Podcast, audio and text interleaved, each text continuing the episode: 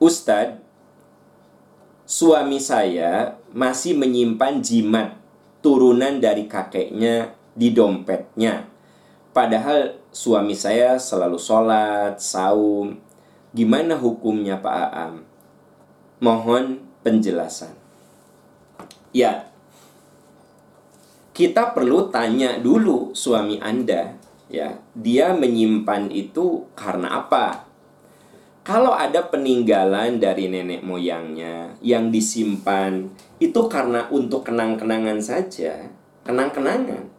Tidak ada masalah. Sebenarnya, ya. Ada teman saya yang kalau saya datang ke rumah, dia punya beberapa keris.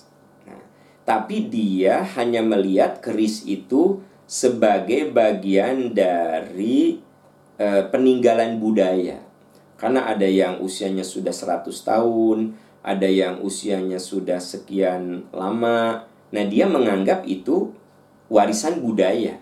Jadi, keris, kujang itu dari neneknya, dari uyutnya, ya. Karena nenek dan uyutnya itu eh, kakek dan uyutnya itu senang pada benda-benda yang seperti itu. Ada kujang, ada keris, tapi teman saya menyimpan itu lebih sebagai kenang-kenangan dari Uyut. Tidak ada nawa itu sebagai jimat. Tidak ada nawa itu niat sebagai tolak bala. Nggak ada. Maka sebenarnya tidak ada persoalan dengan itu. Ya, yang jadi persoalan kalau suami Anda menganggap itu memberikan manfaat dan madorot. Itu menolak bala. Itu menolak kejahatan. Nah, itu menjadi jimat.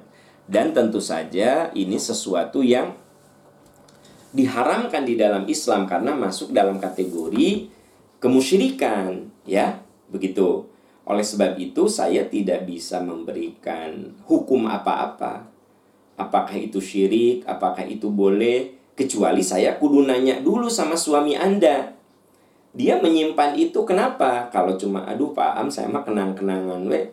Ya teh ti aki ya kan gitu saya punya cincin. Ya memang akinya menganggap cincin itu jimat ya. Tapi suami anda tidak menganggap itu jimat. Itu mah kenang-kenangan cincin saja ya.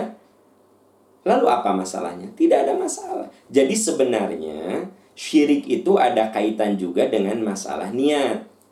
Contoh sederhana. Di rumah saya ada kaligrafi bisa saja kaligrafi itu hanya sekedar hiasan rumah. Ya, saya orang Islam, saya Muslim. Jadi rasanya asa nggak afdol gitu kalau di rumah saya nggak ada uh, luki apa nggak ada kaligrafi. Jadi itu bagian dari hiasan rumah saya. Boleh tidak? Boleh banget, tidak apa-apa. Tapi kalau Anda memasang kaligrafi di rumah, niatnya menolak bala, nah itu jadi masalah. Itu kan jadi perbuatan syirik. Ya. Nah, jadi memang Anda jangan dulu suudon sama suami Anda.